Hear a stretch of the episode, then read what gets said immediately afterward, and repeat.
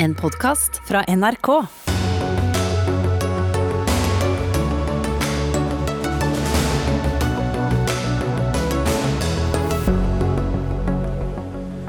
Det blir trolig strengere innreiseregler til Norge. Erna Solberg holder pressekonferanse om koronatiltakene om 30 minutter.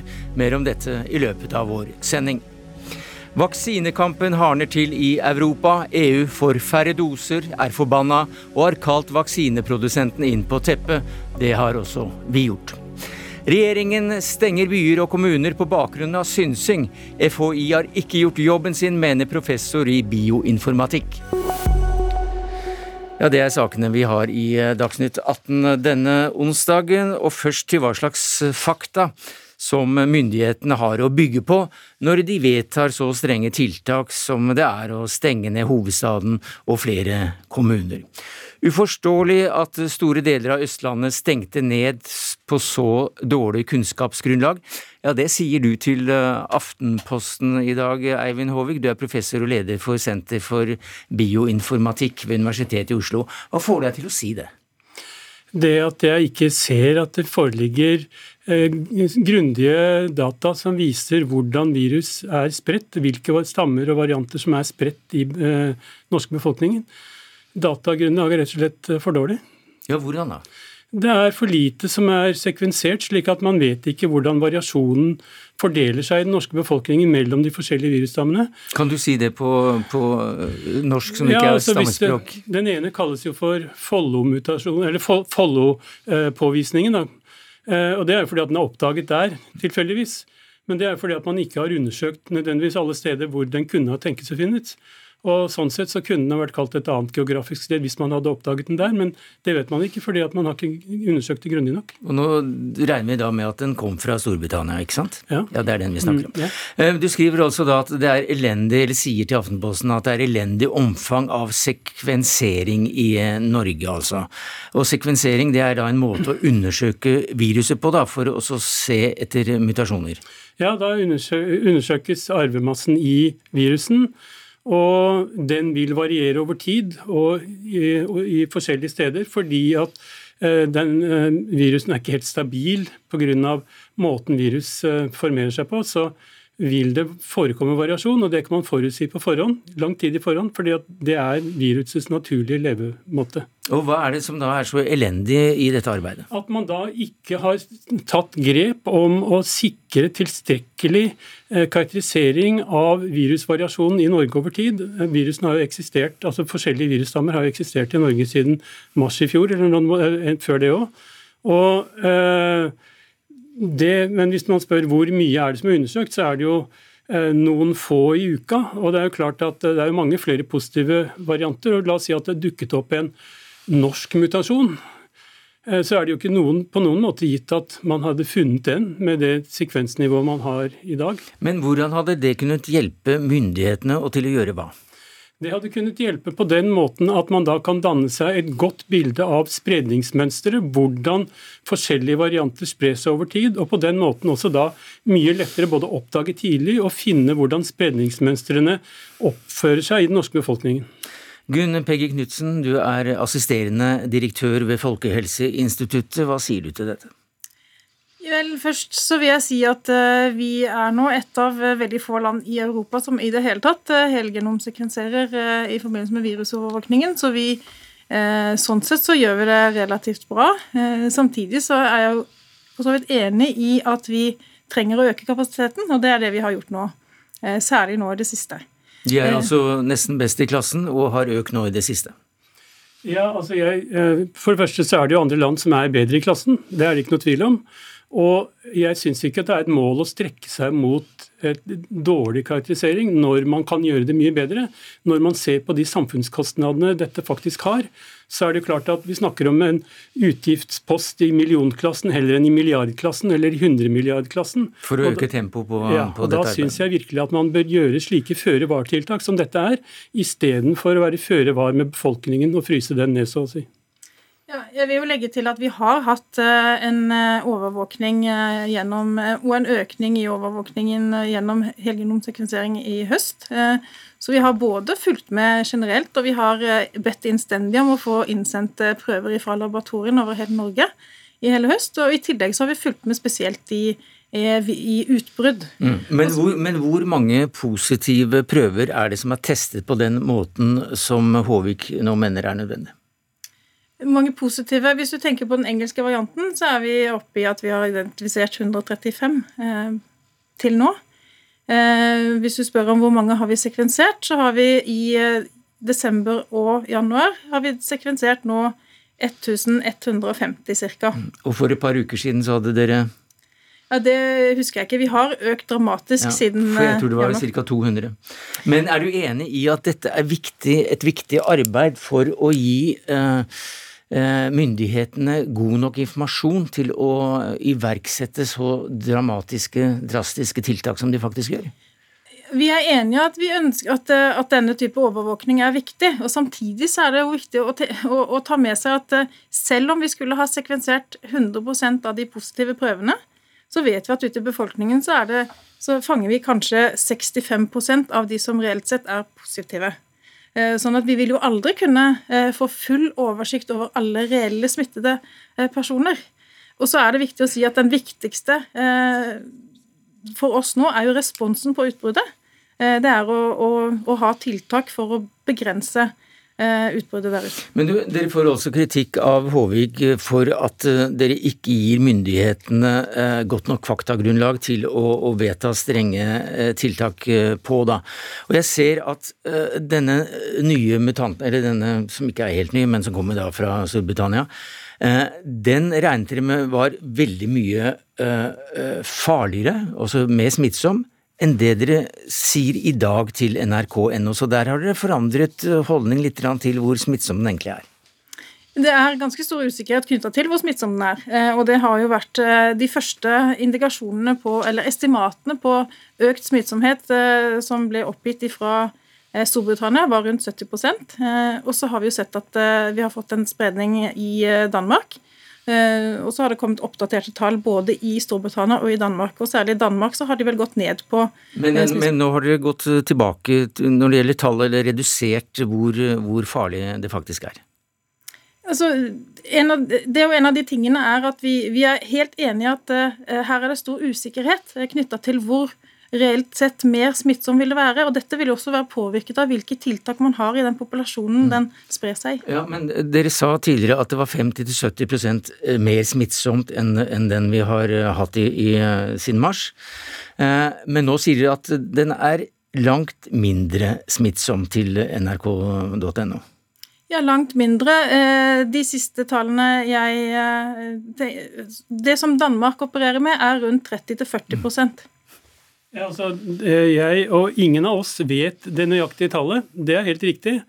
Men man legger da en verstefallstenkning til grunn eh, som jeg vil karakterisere på, på grense til synsing. Og jeg vet jo at det finnes også publiserte, såkalte prepubliserte artikler som mener at eh, omfanget, altså den ekstra smitten ligger på om, om, om, området rundt 10 og eh, Hvis det er riktig, så ok, man er igjen føre var med hele befolkningen uten at man eh, egentlig tar inn over seg at de, det er ganske dramatiske virkemidler som settes i verk uten at man egentlig har behandlet dette på noe vitenskapelig grunnlag. Jo... Og, og, kunne hatt bedre grunnlag hvis ja. de hadde gått hardere inn for dette arbeidet.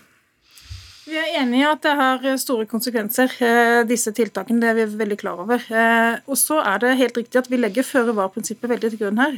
Eh, og det vi et, et, av de momentene som er viktig å tenke på her, er, er som vi har lagt til grunn, det er at det er et veldig stor mobilitet og veldig høy befolkningstetthet i dette området hvor vi nå har fått et utbrudd med denne varianten. Ja, assisterende helsedirektør direktør Espen Nakstad. Hvordan kan dere da foreslå, eh, gi, gi regjeringen det rådet å gå så kraftig til verks når dere faktisk vet såpass lite? Du kan si at uh, Hvis man skulle vente til man hadde uh, gode publiserte studier på alle problemstillinger i en pandemi, så hadde man måttet vente flere år. Og Da hadde hele pandemien vært ute av kontroll for lengst. Så her er man nødt til å bruke det man har av kunnskap. Og ja, vi skulle gjerne hatt denne type kunnskap med sekvensering tidligere. Men eh, det er nå et faktum at vi har et pågående utbrudd eh, med et mutert virus som er mer smittsomt. Og om det er 30 eller 70% mer smittsomt, så vil det uansett skape store utfordringer for oss. Eh, fordi det vil presse dette R-tallet, altså reproduksjonstallet, høyt. Jo, Men det spiller har... vel en viss rolle? Ja, det, det, som spiller en rolle her, det er for det første om dette utbruddet affiserer mange kommuner, eller bare et fåtall kommuner. Jo, jeg skjønner, jeg, Unnskyld at jeg avbryter deg, jeg skjønner det. Men det spiller vel en viss rolle også for hva regjeringen gjør når det gjelder å lukke ned kommuner og, og hovedstaden, om, om, det nye viruset er 20-30 farligere eller opptil 70% farligere? Du kan si at uh, Vi vet at det er et sted, og det er helt sikkert situasjonsavhengig, hvor, uh, hvor smittsomt dette nye viruset er. Uh, det er helt over enhver tvil at det er betydelig mer smittsomt.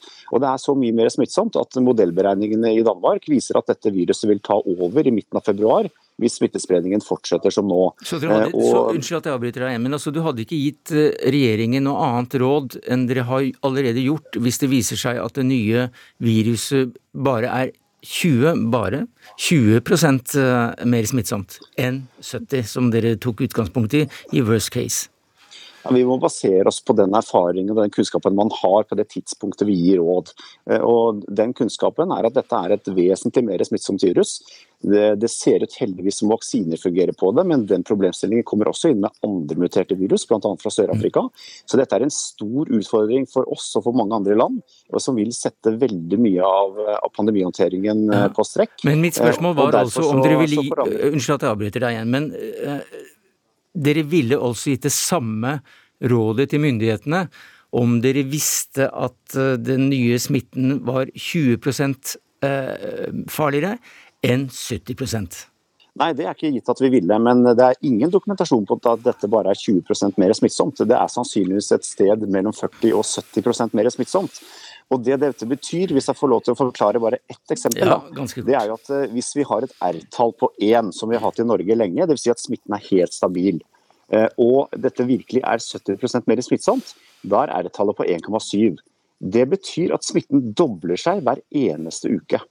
Eh, altså Neste mm. uke er det dobbelt så mye som nå, uka etter der er det dobbelt så mye som neste uke osv. Det er en eksponentiell vekst som vil ta dette helt ut, av mm. kontroll på veldig få uker. Det er det virkelighetsbildet vi har, og som vi må forholde oss til. Eh, og så vil vi i framtiden få vite om det er 45, 55, 70 eller 75 ja. Og I dag så går dere ut til nrk.no og sier at det er ikke så smittsomt som 0, eller som 70% Hva sier du til dette? Nei, altså, Jeg skjønner jo at det er viktig å være, ta, eh, ta, det på alvor, men samtidig når det da påstås nå at det ikke finnes dokumentasjon, så er jo det feil. Eh, det finnes dokumentasjon, spørsmålet er hvor sikker dokumentasjonen er. Men eh, jeg har selv sett artikler som er godt fundamentert, men, som ikke er fagfølgevurdert ennå, som, som, viser at det kan være ned mot 10% Så det finnes dokumentasjon. Spørsmålet er hvordan man vekter den dokumentasjonen som finnes. Og da har man tatt utgangspunkt i en ekstrem verstefallssituasjon. Mm. Ja, det er helt uenig. Man har tatt utgangspunkt i en situasjon hvor man har et nytt mutert virus eh, som har allerede skapt problemer i mange land, og som vi ikke kjenner omfanget av, og som har fått spre seg i flere uker. Og Da gjør man det man pleier å gjøre i Norge, nemlig å teste og smittespore. Sette inn tiltak der hvor man tror smitten er, og det er i kommuner rundt Nordre Follo. Og så bruker man det systemet man har gjort i hele pandemien i Norge, med at kommunene tester og smittesporer og kartlegger situasjonen med støtte fra Folkehelseinstituttet. Altså, jeg må nesten bare avbryte for tida går. Beklager, eh, assisterende helsedirektør Espen Nakstad. Takk for at du var med. Helt til slutt eh, til deg, Gunn Pegge Knutsen, assisterende direktør ved Folkehelseinstituttet. Er du enig at faktagrunnlaget for råd til regjeringen ville vært bedre hvis, eh, dere, hvis FHI hadde sekvensert atskillig flere eh, enn dere har? Jeg, er, jeg tenker at vi ville være All bedring av kunnskapsgrunnlaget er positivt. Det er det jeg vil si. Men om det ville vært avgjørende, det tror jeg ikke. Takk skal du ha, Gunn Peggy Knutsen. Takk til deg, Eivind Håvik.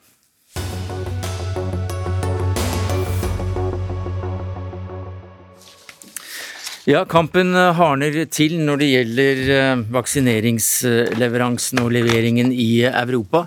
Eh, eller vaksinekrigen, som det også har blitt kalt i løpet av dagen. I ettermiddag så har EU holdt en pressekonferanse. Unionen var svært misfornøyd. Og hva, er det som er, hva har skjedd, europakorrespondent Simen Ekern?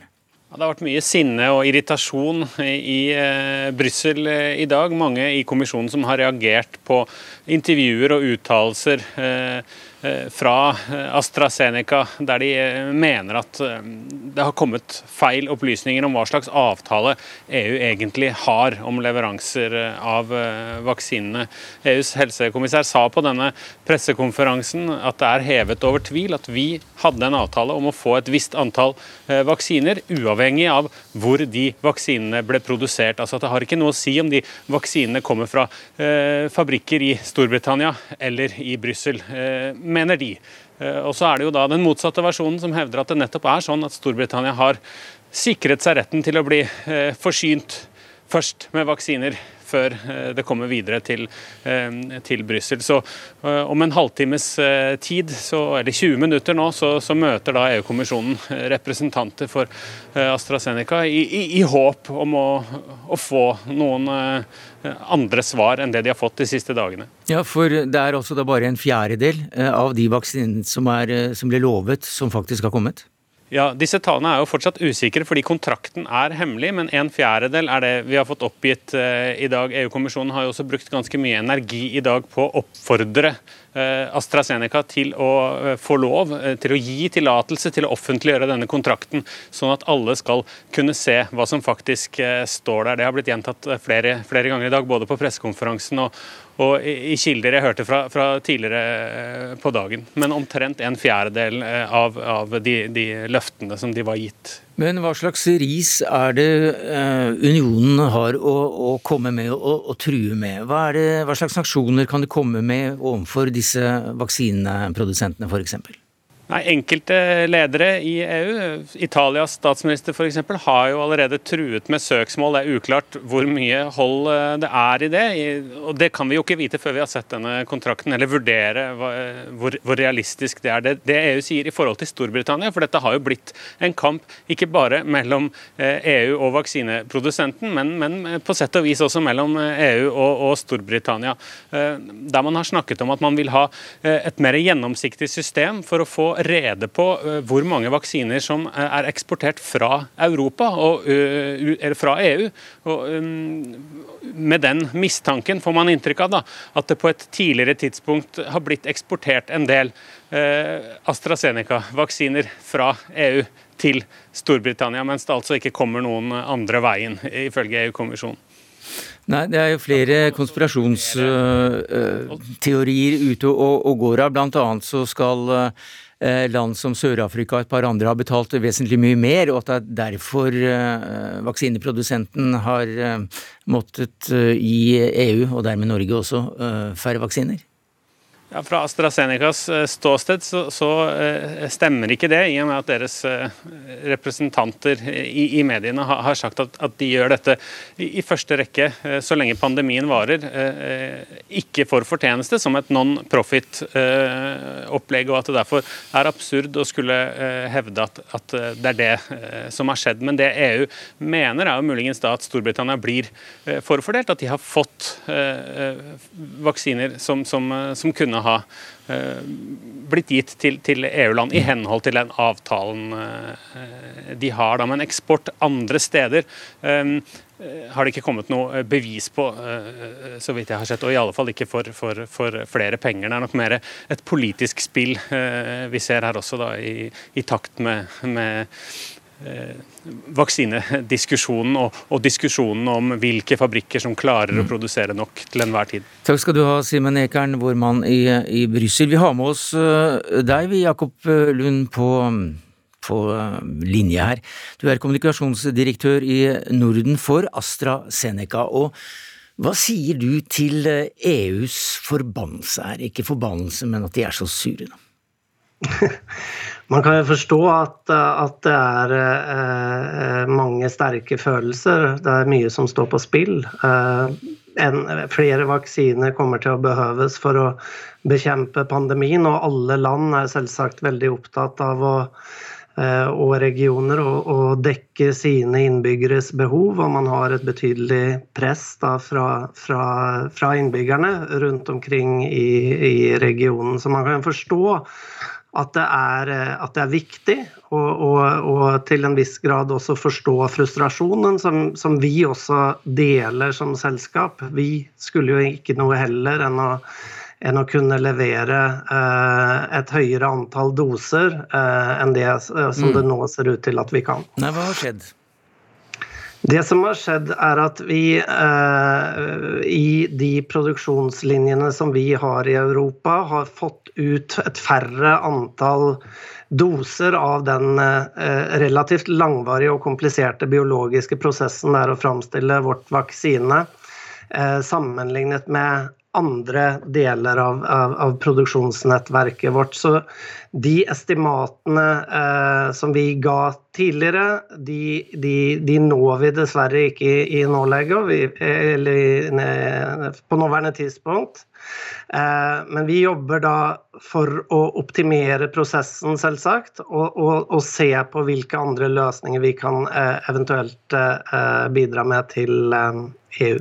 Ja, nå, nå, sier du estimater, men det var vel eh, faktiske tall som ble lagt på bordet at så og så mange millioner eh, doser skal ut, og dermed så skulle Norge fått eh, sin skjerm? Det var kontrakter som skrevs. Eh, eksakt ordlyden i, i, i, de, de vil ikke jeg kommentere. Jeg kan konstatere at, at vår konsernsjef har vært ute og, og sagt best effort i, i, intervjuer rundt omkring i Europa, og han er ikke, han er ikke feilsitert.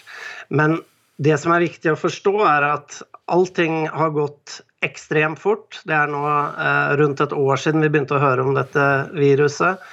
Og, og, og eh, vi står nå i, i, innenfor godkjenning i Europa og for å kunne produsere ti, flere titalls millioner doser likevel mm. og levere til Europa i februar og, og, mars. Men hvorfor er det så mange doser som går til Storbritannia og ikke til EU? Det er ikke sånn at det er så mange doser som går til eh, Storbritannia. Eh, det er såpass det mange at, at e det, Unnskyld at jeg avbryter deg, men, men men ifølge EU så er det såpass skjevfordelt dette her at de har bedt Storbritannia om å sende en del til EU.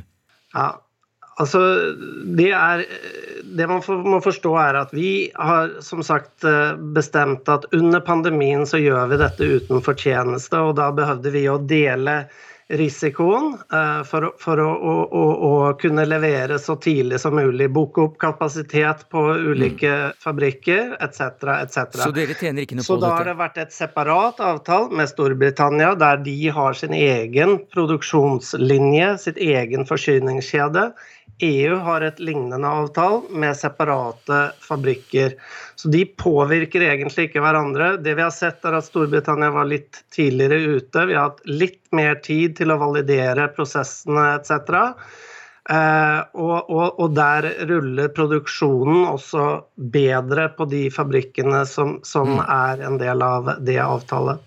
Ja, Norge skulle altså da i februar fått over en million doser. Nå blir det under 200 000 fra dette firmaet. Tone Gregers, du er immunolog og førstelektor ved Institutt for eh, biovitenskap ved Universitetet i Oslo. Er, er det overraskende, syns du, at legemiddelprodusentene ikke kan levere nok? Eh, nei, altså jo, for så vidt. Det er jo overraskende i den forstand at de har gått ut ganske høyt eh, og lovet eh, mange doser. På den annen side så syns jeg ikke det er spesielt overraskende at det tar lengre tid å lage denne vaksinen enn det tar å lage Pfizer og Moderna-vaksinene. og Det er jo også han så vidt inne på. Um, for det å produsere denne vaksinen eh, krever flere trinn, rett og slett, eh, enn en disse RNA-vaksinene til Pfizer og Moderna. Så firmaet solgte bjørnen før Eller skinnet før bjørnen var skutt her?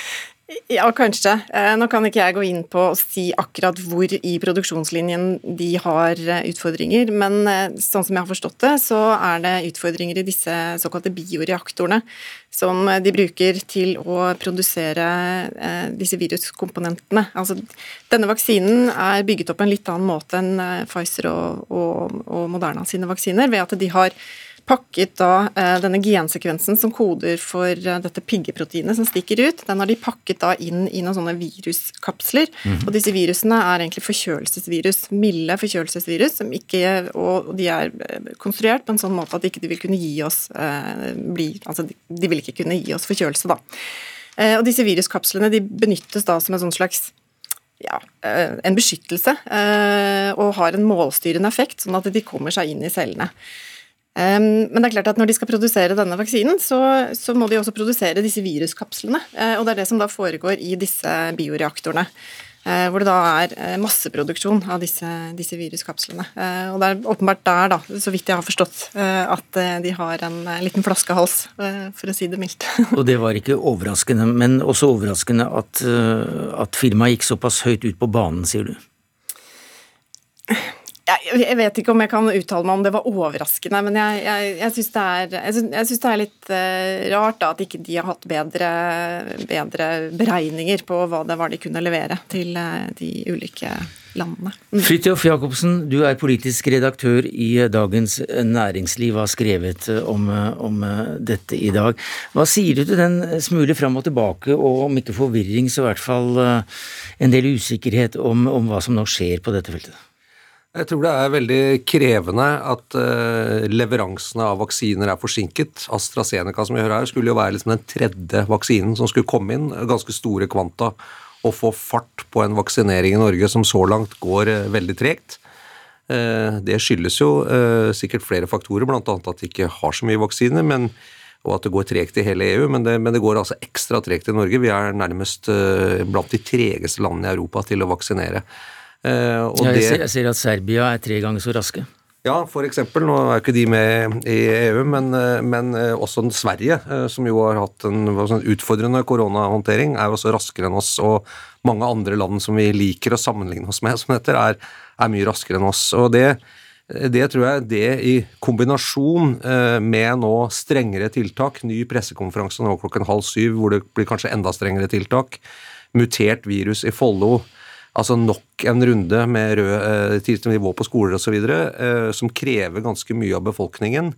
Mens da helsemyndighetene som kommer med formaninger og pålegg hele tiden, ikke klarer å rulle ut en vaksinering som vi i hvert fall hadde fått grunn til å tro skulle skje mye raskere, det gir et eh, tillitsproblem og kan også bli et politisk problem for hele koronahåndteringen. Politisk?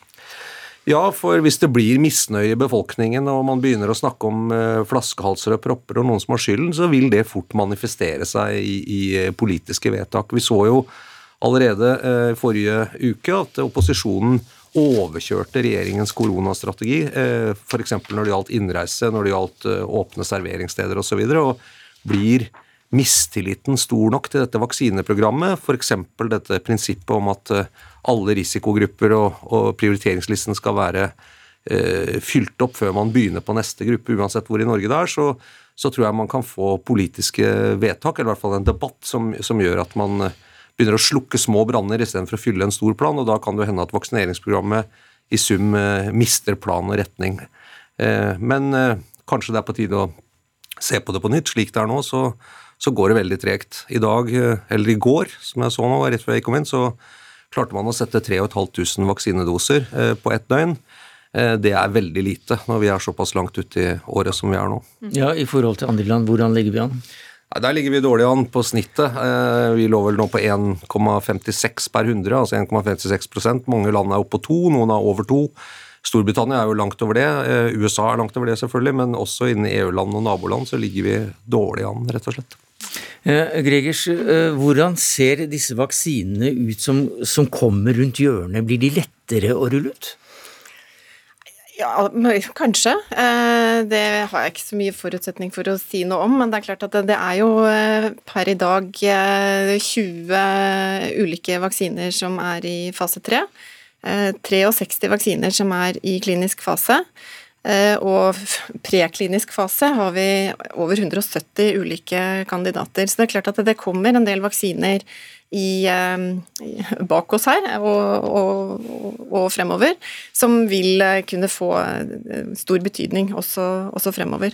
Ja, og det må vi på en måte holde fast på at det er lys i enden av tunnelen. Det er lys i enden av tunnelen, men foreløpig så, så, ser det ikke akkurat slik ut når vi nå akkurat sitter og, og, snakker sammen. Det skal være 15 sekunder igjen til pressekonferansen, men vi får nå se om regjeringen kjenner sin besøkelsestid her. Men hvilke av de eksisterende, og hva du, hva du vet om disse ulike, ulike eh, vaksinene, hvilke er best? Nei, altså De tre som eh, vi har eh, som har kommet lengst nå, ser ut til å gi omtrent de samme den samme beskyttelsen. Eh, de beskytter mot alvorlig sykdom. De gir relativt god immunitet, i hvert fall over en viss periode. Og så vet man ikke så mye enda hvorvidt de beskytter mot smitte. Um, og så vil det komme etter hvert flere vaksiner uh, på markedet som, som um, kanskje vil få betydning for ulike grupper i samfunnet. Um, eller at de vil uh, være andre kandidater som, uh, som gir lengre immunitet og som beskytter mot smitte osv. Så, videre. så det, det, er håp om at det er andre kandidater som også vil komme etter hvert. Men altså, nå, nå er det 200, da? Omtrent til sammen, som ligger i startgropa og som skal komme inn. Sånn at vi, vi, får nok en, en, en, nål i armen om ikke så altfor lenge, på en eller annen måte. Ja, det tror så, jeg absolutt. Ja, så da er spørsmålet, Gregers, hvilken vil du helst ha? Å, jeg vil ta den første jeg blir tilbudt. Ja. ja. Det vil jeg. Fridtjof Jacobsen, eh, smittetallene viser at myndighetene vet hva de driver med når det gjelder å fortelle oss hva vi skal gjøre. Vaksinetallene viser at de ikke vet hva de skal gjøre. Ja, det er jo sånn. Eh, Erna Solberg har sagt at etter påske så skal vi kunne vende tilbake til normalen. Det gjenstår å se. Ja, det gjenstår å se, og det får vi se akkurat nå, eh, begynnelsen på. Her er pressekonferansen. Og vi har hørt om andre virus som har oppstått andre steder. Den 21.12. stoppet vi flytrafikken og innførte krav om testing for alle som i løpet av de siste 14 dagene hadde kommet fra Storbritannia. Siden da har regjeringen, basert på faglige råd, kontinuerlig strammet inn og forsterket reglene for å få lov til å reise inn til Norge. Det vi ser, er at det muterte viruset har spredd seg betydelig i mange land, som ikke har overvåket eh, omfanget av mutasjoner på samme måte som Norge, Danmark og Storbritannia. Derfor har regjeringen etter råd fra helsemyndighetene i dag besluttet å innføre svært strenge regler for hvem som får reise inn i landet. Fra midnatt natt til fredag innfører vi de strengeste innreisereglene til Norge siden 12. mars i fjor. I praksis blir grensen stengt for alle som ikke er bosatt i Norge. Og så gjøres det noen unntak. Personer som ivaretar samfunnskritiske funksjoner. Personer som driver med vare- og persontransport. Helsepersonell fra Sverige og Finland som arbeider i norsk helse- og omsorgstjeneste. Personer som skal ha samvær og gjennomføres fastsatt samvær med barn. Og personer som ellers har helt spesielle grunner for å komme til Norge. Dette sikrer at kritiske varer og tjenester kommer inn til Norge men det betyr at mange arbeidsinnvandrere ikke kan komme de neste ukene. 3.1 innførte regjeringen strenge nasjonale tiltak mot smittespredning. Det var ikke bare fordi vi var urolige over den daværende synlige smittesituasjonen i Norge.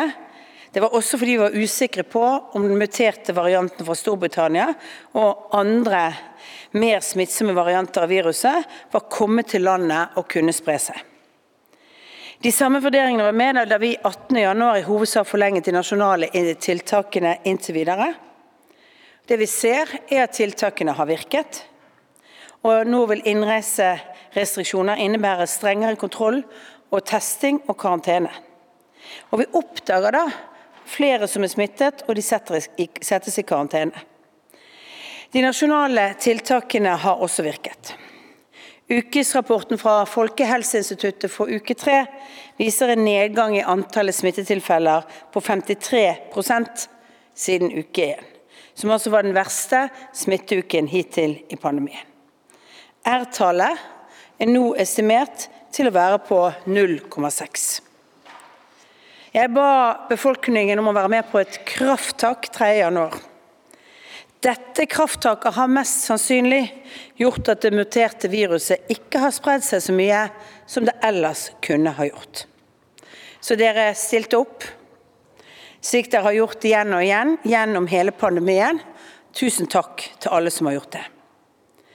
I helgen innførte regjeringen svært strenge tiltak i Nordre Follo og 24 andre østlandskommuner. Målet var nettopp å slå ned spredningen av den mer smittsomme varianten av viruset og få oversikt over situasjonen. Dette er ment som kortvarige, strenge tiltak. Vi kan også innføre tilsvarende tiltak andre steder i landet hvis det dukker opp smittespredning av denne varianten. Den spredningen vi ser i resten av verden er alvorlig. I en sånn situasjon mener regjeringen at det er helt nødvendig med kraftige innstramminger og restriksjoner for å redusere risikoen for import av mer smittsomme varianter av koronaviruset. Det er inngripende, og regjeringen vil ta en ny vurdering om to uker. Vi vil ha nært samarbeid med partene i arbeidslivet for å finne gode løsninger innenfor et strengt regime, og for å kunne justere tiltak hvis det er nødvendig. Men vi må være forberedt på at vi kommer til å ha strengere innreiserestriksjoner en stund lengre enn de 14 dagene. Vi er klar over at innstramning av innreisereglene vil ramme mange.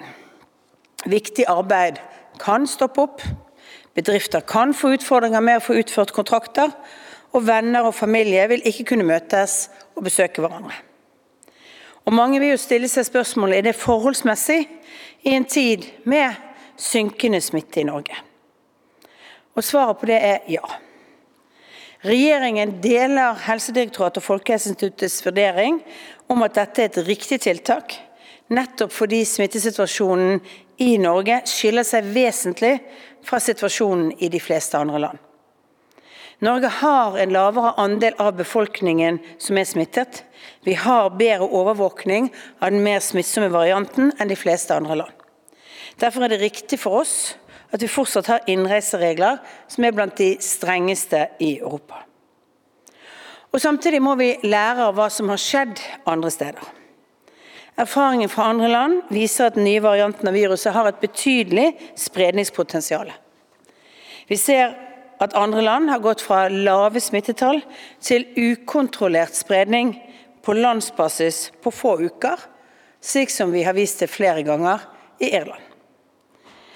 Konsekvensene for barn og unge, arbeidsplasser og samfunnet er betydelig når man igjen må stenge kraftig ned over lang tid. Vår felles innsats etter jul har altså gitt oss et overtak i møte med den nye varianten av koronaviruset. De i praksis stengte grensene skal hjelpe oss med å beholde det overtaket. Så er vi jo heldigvis kommet dit at stadig flere blir vaksinerte, slik at de mest sårbare i samfunnet beskyttes mot smitten. Dette arbeidet er godt i gang. Derfor er det av stor verdi at vi klarer å slå ned det mer smittsomme varianten av viruset. At vi forsinker virusets mulighet til å spre seg i Norge, sånn at eh, færre blir alvorlig syke og dør av korona i vårt land. Eh, jeg sa eh, da vi lanserte tiltakene på, i begynnelsen av januar, at vi var godt inne i en maraton, at vi så slutten på den. Men det viser seg at slutten kan være noen veldig tøffe bakker som vi alle må gjennom for å være sikker på at resultatet blir at alle, flest mulig nordmenn, kommer over målstreken på denne maraton. Da åpner vi for eh, spørsmål i plenum, og det er TV 2 som er først ut. og Da går også Bent Høie, Bjørn Gullvåg og Line Wold på scenen og kan svare på spørsmål. Ja, det er Stein Aker fra TV 2. Eh, vi har eh, sett at mange har kommet inn i landet uten å registrere seg etter jul. Vi har også sett tilfeller av at folk kommer og har falske negativtester som de viser på grensen. Spørsmålet er er det pga. at vi har sviktet i grensekontrollen at man gjør dette tiltaket nå, eller er det fordi eh, man frykter denne nymuterte virusen, altså at et utbrudd kan komme til å skje? Det er pga. at vi frykter det nye viruset, og at uh, utbredelsen er så stor. Og at kontrollen i mange land gjør Eh, altså Mangelen på sjekk av hvor stort det, det, det, eh, det, muterte viruset er, er så stor at vi, vi, ikke vet Vi kunne hatt målrettede tiltak, som vi jo egentlig har. For vi har hatt målrettede tiltak mot Storbritannia, mot Irland, mot uh, noen av de landene som faktisk tester og måler godt nok. Men vi er nå i den situasjonen at vi tror spredningen er stor i mange andre land, og derfor går til disse tiltakene. Så jeg har lyst til å si, Vi har konstatert, jeg tror Oversikten var at vi hadde sett ti falske attester. Eh, sånn at vi vet, men, men, det kan være langt flere. Derfor har vi også vært opptatt av at vi skal sikre at vi også tester på norsk grense. Vi har jo gradvis skjerpet alle disse kravene. Og så er det sånn at man skal eh, jo registrere seg når man kommer inn til Norge. Og så har vi hele tiden sagt at alt er ikke perfekt på alle grenseovergangene. Eh, Norge, har, Norge og Sverige har Europas lengste grense med veldig mange grensepasseringer. Det er krevende å gjennomføre. Frem til nå så har eh, stort sett smittetallene vært med å diktere tiltak som regjeringen har innført. Nå er det altså en hypotetiske smittetall som gjør det. Eh, hva skal til for at man åpner grensen igjen? Jeg har vel egentlig varslet at eh, det blir ikke åpning direkte tilbake igjen til der vi har vært i dag, men at vi skal gradvis se på enkeltåpninger og eh, finne gode løsninger for å sikre at eh, arbeidslivet får den arbeidskraften de trenger. Nå er det sånn at Vi har hatt en runde med mange av bransjeorganisasjonene i dag for å sjekke ut hvordan situasjonen er. Det har vært viktig for mange av de at de fikk inn arbeidskraft etter jul, etter at man hadde vært hjemme på juleferie. Men det betyr også at med de kontraktene som mange har inngått det siste, altså siden november, så vil også folk ha et lengre arbeidsopphold i Norge enn det de tidligere hadde. Det betyr at man kanskje tror at iallfall på en kortere sikt så er ikke det så dramatiske omstendigheter for mange bedrifter. Men det er mange som kommer her som ikke nødvendigvis har like avklarte forhold i arbeidslivet, og de vil nå ikke komme inn eh, gjennom det vi, har, eh, det vi fastsetter eh, nå. Det at vi nå stenger grensen stenger for importsmitte, slik, betyr det at vi kan vente lettelser i andre tiltak? Det vil jo bli en vurdering av hva Eh, av hva vi kan gjøre, og vi får råd på det. Har, eh, For de 25 kommunene som nå har de strengeste tiltakene, så vil jo vi få en, til en, eh, en vurdering fra Helsedirektoratet og Folkehelseinstituttet før den 31., som regjeringen da skal svare på. Og samarbeide selvfølgelig med de 25 kommunene om hvordan de opplever situasjonen. Da er det Aftenposten, og så kan VG gjøre seg klar. Er det aktuelt å sette inn Forsvaret for å vokte grensene? Vi har forsvar på grensene. Vi har hjelp fra Forsvaret allerede i dag. Heimevernet er med. Og eh, i den grad vi trenger å få enda bedre, så kommer vi eventuelt da til å eh, be om mer kapasitet eller hjelp fra Forsvaret. Men både Sivilforsvaret hjelper til, Forsvaret hjelper til eh, allerede i dag. Forsvarssanitet med å teste bl.a. på grensen på Svinesund. Det er kommet en lang rekke personer inn den siste tiden, og en del av de har da ikke meldt seg til testing. og sånn. Kan de bare forbli i landet? Alle har en plikt til å testes. Alle har en plikt til å være i karantene. Bryter du de reglene, så står det i fare for å få en solid bot. Men det er jo ikke sånn at det er et formål at folk skal reise ut hvis du har en jobb og kan jobbe.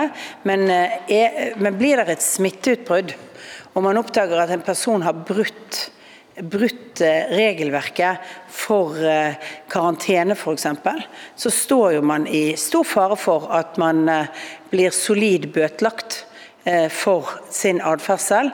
Og hvis arbeidsgiveren har ansvar for å sørge for den, den karantene og den, den, boligen de skulle ha, så vil det også være. Må vi huske at Veldig mange av de som har kommet inn til Norge, de bor fast i Norge. Svært mange av de som har kommet etter jul, Eh, er ikke bare arbeidsinnvandrere som er på kortopphold eller tre-fire måneder eller sånt. Svært mange nordmenn, eller folk som bor i Norge, har vært hjemme og besøkt sine familier i julen og kommet tilbake igjen. Så de tallene på hvor mange som har kommet, de tallene avdekker jo mest faktisk folk som har permanent oppholdstillatelse og bosetning, og en del nordmenn. Og til de nordmennene som har syntes at det har vært greit å reise til utlandet på ferie nå, så vil jeg si at det er det ikke greit lenger. Det er unødvendig å reise på ferietur til utlandet selv om du tar karantenen etterpå. For det at eh, nå syns jeg at vi alle skal stille solidarisk opp. Men Betyr det at personer som da har bosted i utlandet, oppholder seg midlertidig i Norge for å jobbe, bryter reglene, ikke automatisk blir utvist, men bare bøtelagt? Jo, Hvis de f.eks. blir bøtelagt for dette, så er det et grunnlag for at de også kan sendes ut av landet. VG. Hei, Eilif Flydal, VG. Spørsmål til um, Erna Solberg. Eh, hvilke tilbakemeldinger har dere fått fra industrien i Norge uh, på dette tiltaket? Har de nok arbeidskraft uh, i Norge for å holde hjulene i gang? Jeg tror det er relativt mange, altså Det er veldig stor forskjell mellom bedrifter. Noen bedrifter kommer til å bli rammet av dette. Andre bedrifter har jo, som jeg sa, eh, laget litt nye arbeidsrutiner pga. karanteneregelverket. Så har de lengre arbeidsopphold og har egentlig fått inn mye arbeidskraft etter jul. Men Eh, men det er klart det er en del som kommer til å slite med dette. og vi, Det er nok litt ulike signaler fra ulike deler av bransjene. Men vi skal ha møte i morgen. Vi kommer til å invitere bransjene til møte for å gå gjennom situasjonen for de enkelte. For å snakke med de for å få oversikten over hva, hva slags utfordringer de kommer til å stå oppi med et sånt regelverk. Eh, samtidig så Eh, så understreker jeg igjen det er flere som kommer til dette landet enn bare de som er arbeidsinnvandrere med en jobb her. Eh, og vi begrenser jo nå også mange andre. Vi åpnet for at familiemedlemmer i høst, etter et sterkt ønske fra mange, at familiemedlemmer som ikke var mindreårige barn eller ektefeller kunne komme til Norge. De får ikke lov å komme nå. Så det er flere vi kommer til å stoppe for. Mm. Um, er um er det slik at man frykter en skjult smittespredning av eh, denne nye virusvarianten, britiske virusvarianten? Kan spørre til FHI og, og Helsedirektoratet. Da. er det slik at man frykter en skjult smittespredning der som man ikke har fanget opp, og at den vil eh, komme som en overraskelse i løpet av denne uken og, og neste uke? Vi kan ikke garantere at vi ikke har den engelske varianten eller andre mer smittsomme varianter av viruset i landet som ikke er oppdaget. For det første så er det jo sånn at Vi oppdager ikke alle tilfeller i Norge som har smitte. og For det andre så har vi ikke helgenomsekvensert hele, eh, alle positive prøver. Verken vi eller noen andre land utenom kanskje Island som forsøker å få til det nå, de har gjort det. Så Det betyr at vi kan ikke garantere det. Hvis det eh, hadde vært et betydelig antall av, den, av varianter som er mer smittsomme allerede i landet, så ville vi anta at vi hadde sett det i form av utbrudd med vesentlig høyere smittsomhet.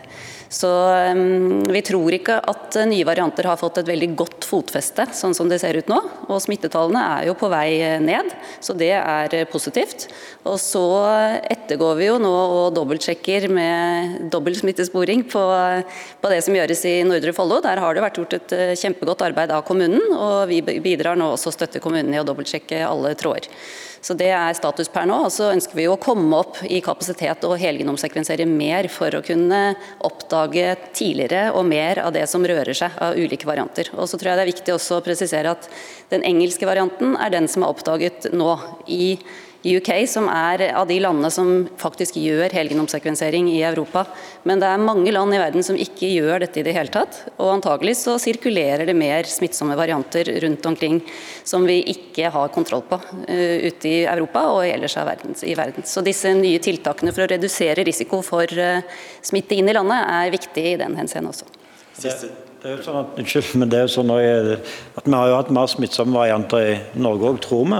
Både i forbindelse med eh, pensjonistbussutbruddet og utbruddet på et utested i Trondheim. Men det er jo varianter som har klart, klart å slå ned gjennom de tiltakene vi har hatt til nå. Eh, men det er òg det som ligger litt bak at vi mener at dette tiltaket som vi innfører i dag, er forholdsmessig. fordi det er helt riktig at Tiltakene nasjonalt er jo veldig knyttet til smittesituasjonen nasjonalt. Men tiltak knyttet til importsmitte må òg ses opp mot nettopp for, forskjellen mellom Norge og landene rundt oss. Og Når denne forskjellen er så stor både i smitte og risiko til det muterte viruset, så mener vi at dette er riktig å gjøre nå. Siste spørsmål går til, eh, til eh, statsråden som har mest erfaring med fjell, ifølge mange aviser de siste ukene. Eh, vinterferien jo, eh, tilbringes jo på fjellet av mange. Noen på hoteller, andre på hytter. Med de tiltakene som kommer og annonsert i dag, i kveld, hvilke, hva slags vinterferie kan nordmenn flest vente seg nå, om en knapp måned? For det første så får de en vinterferie i Norge. Eh, det er det viktigste. Eh, og så er det jo sånn at De kommer ikke til å møte så mange andre fra andre land eh, på vinterferien i Norge. Og så er det jo sånn at det rådet som vi nå har akkurat for, for det sentrale østlandsområdet å ikke bruke fritidsbolig eller reise på fritidsbolig, det har vi jo sagt det er et midlertidig tiltak. Og Jeg håper at vi når vi kommer til vinterferien er i en smittesituasjon i Norge der ikke folk vil ha råd om det. Men vi ønsker ikke mye mobilitet på tvers av eh, altså det, Men, men det, man må reise på en måte i, eh, i tråd med de smittevernreglene som, som gjelder. Mm. Takk. Da er det NTB sin tur, og så kan avisen Oslo gjøre seg klar. Johan Fallnes, NTB. Som VG var inne på, så har vi jo flere bransjer som er sterkt avhengig av, eh, av eh, utenlandsk arbeidskraft. Vi har byggebransjen, vi har verftene. Hva skjer med de bransjene nå? og eh, Har dere økonomiske krisetiltak på plass som følger opp denne grensestengingen? Ja, Vi har økonomiske krisetiltak. Vi har en kompensasjonsordning som faktisk er stor og bred og som gjelder for alle, og som eh, vi også da har sagt vi kommer, eh, skal videreføre og eh, nå betaler ut penger. Og Den har jo den fine fleksible ordningen ved seg at eh, har du 30% fall i omsetning, ja så kvalifiserer du for den, og da er det uansett hvilken bransje du er fra. Nå er det sånn at jeg tror mange bedrifter jo har arbeidskraft for de nærmeste 14 dagene. Veldig mange av de som skulle komme til f.eks. For eh, foredlingsindustrien, fiskeindustrien i forbindelse med Lofotfisket, er kommet til Norge og er enten i karantene eller ferdig med karantene nå. Så, så eh, vi håper at dette kan gå seg til å fungere bra, men vi må, vi må regne med at noen bedrifter kommer nå til å oppleve at de kommer til å mangle arbeidskraft. og at det derfor betyr at noen flere vil kunne komme til å måtte permittere, at, permittere nordmenn fordi at de ikke har den spesialarbeidskraften som de trengte til enkelte oppgaver. Så er jo Et av ønskene som uh, vil oppnå med dette, er mindre pendling fram og tilbake. Sant? at En del av de som er her og jobber, at de reiser da, vil da la være å reise tilbake på en stund. og Det er òg en fordel, for den pendlingen fram og tilbake representerer en risiko i seg selv. Det er en av de viktige grunnene for at vi også skal ha møter i løpet av morgendagen med mange av bransjene og snakke med dem. Det er for å høre om det er noen områder hvor dette er vanskelig, altså hvor, hvor, eh, hvor vi må bidra til at de kan, faktisk kan legge om litt arbeidsrutinene sine, sånn at de ikke sender tilbake folk som nå eh, de gjerne skulle hatt litt til. Har dere oversikt over hvor store økonomiske konsekvenser dette får for Norge? Nei. Det går ikke an å regne på forhånd. Fin, den finregningen kan vi ikke ha. Altså, vi har hatt kontakt med mange av bransjene i dag, og på bransjenivå så er det mange av de som sier at dette vil kunne fungere, men for enkeltbedrifter så kan det være kritisk. Hvis det går mer enn 14 dager, så vil det nok bli vanskeligere for flere bransjer. Men Målet med dette er jo å forsinke eh, og slå ned spredningen av et mer smittsom variant. som Hvis vi ikke lykkes med det, vil jo måtte innebære langvarige, mye mer inngripende nasjonale tiltak, som, som jo i et overordna perspektiv og basert på de vurderingene som ble gjort av Holden-utvalget, regner med vil ha høyere samfunnsøkonomisk kostnad.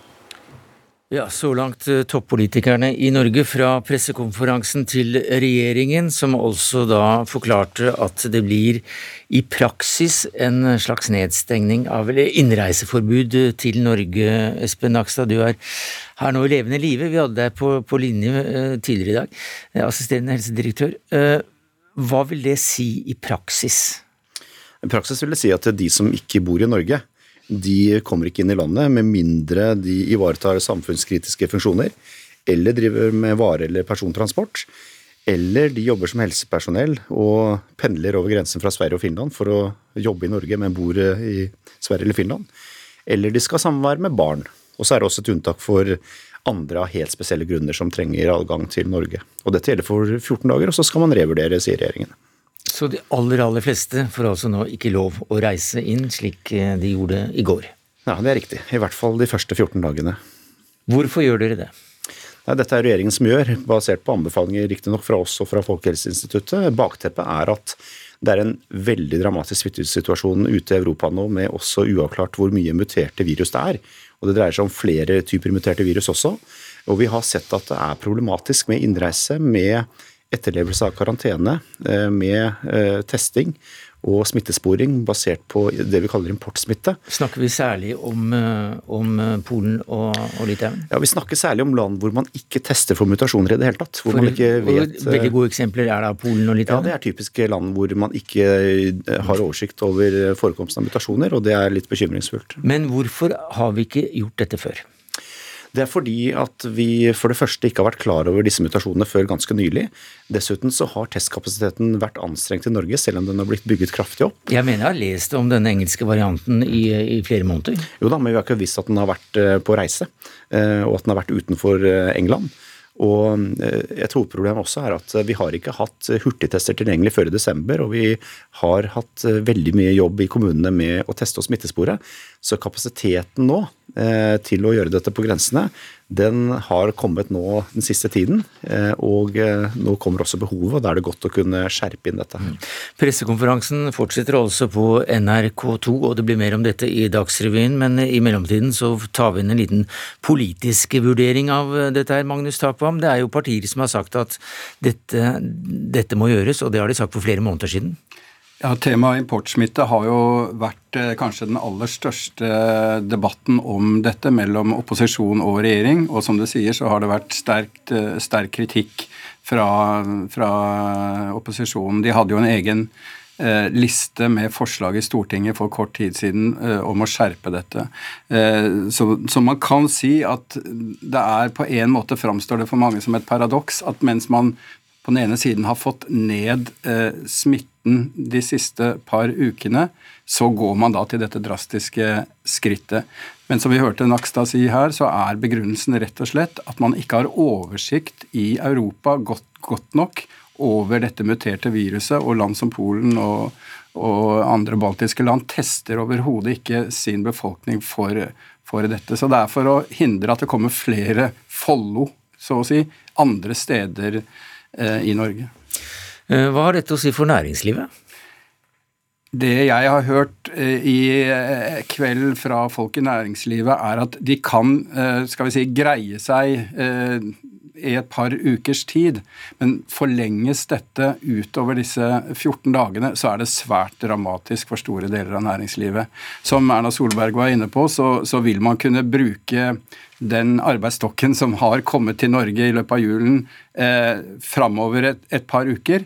Eh, men så er, er, det jo stor usikkerhet om hva som skjer etter det. Og den store frykten er jo selvfølgelig at, at man eh, vil oppleve denne typen kraftige nedstengninger med jevne mellomrom. sånn at mm. det er ingen tvil om at det som nå skjer, er uttrykk for at det er virkelig et, et, nytt alvor, et enda alvorligere bilde vi har foran oss når det gjelder denne pandemien. Et nytt alvor. Ja.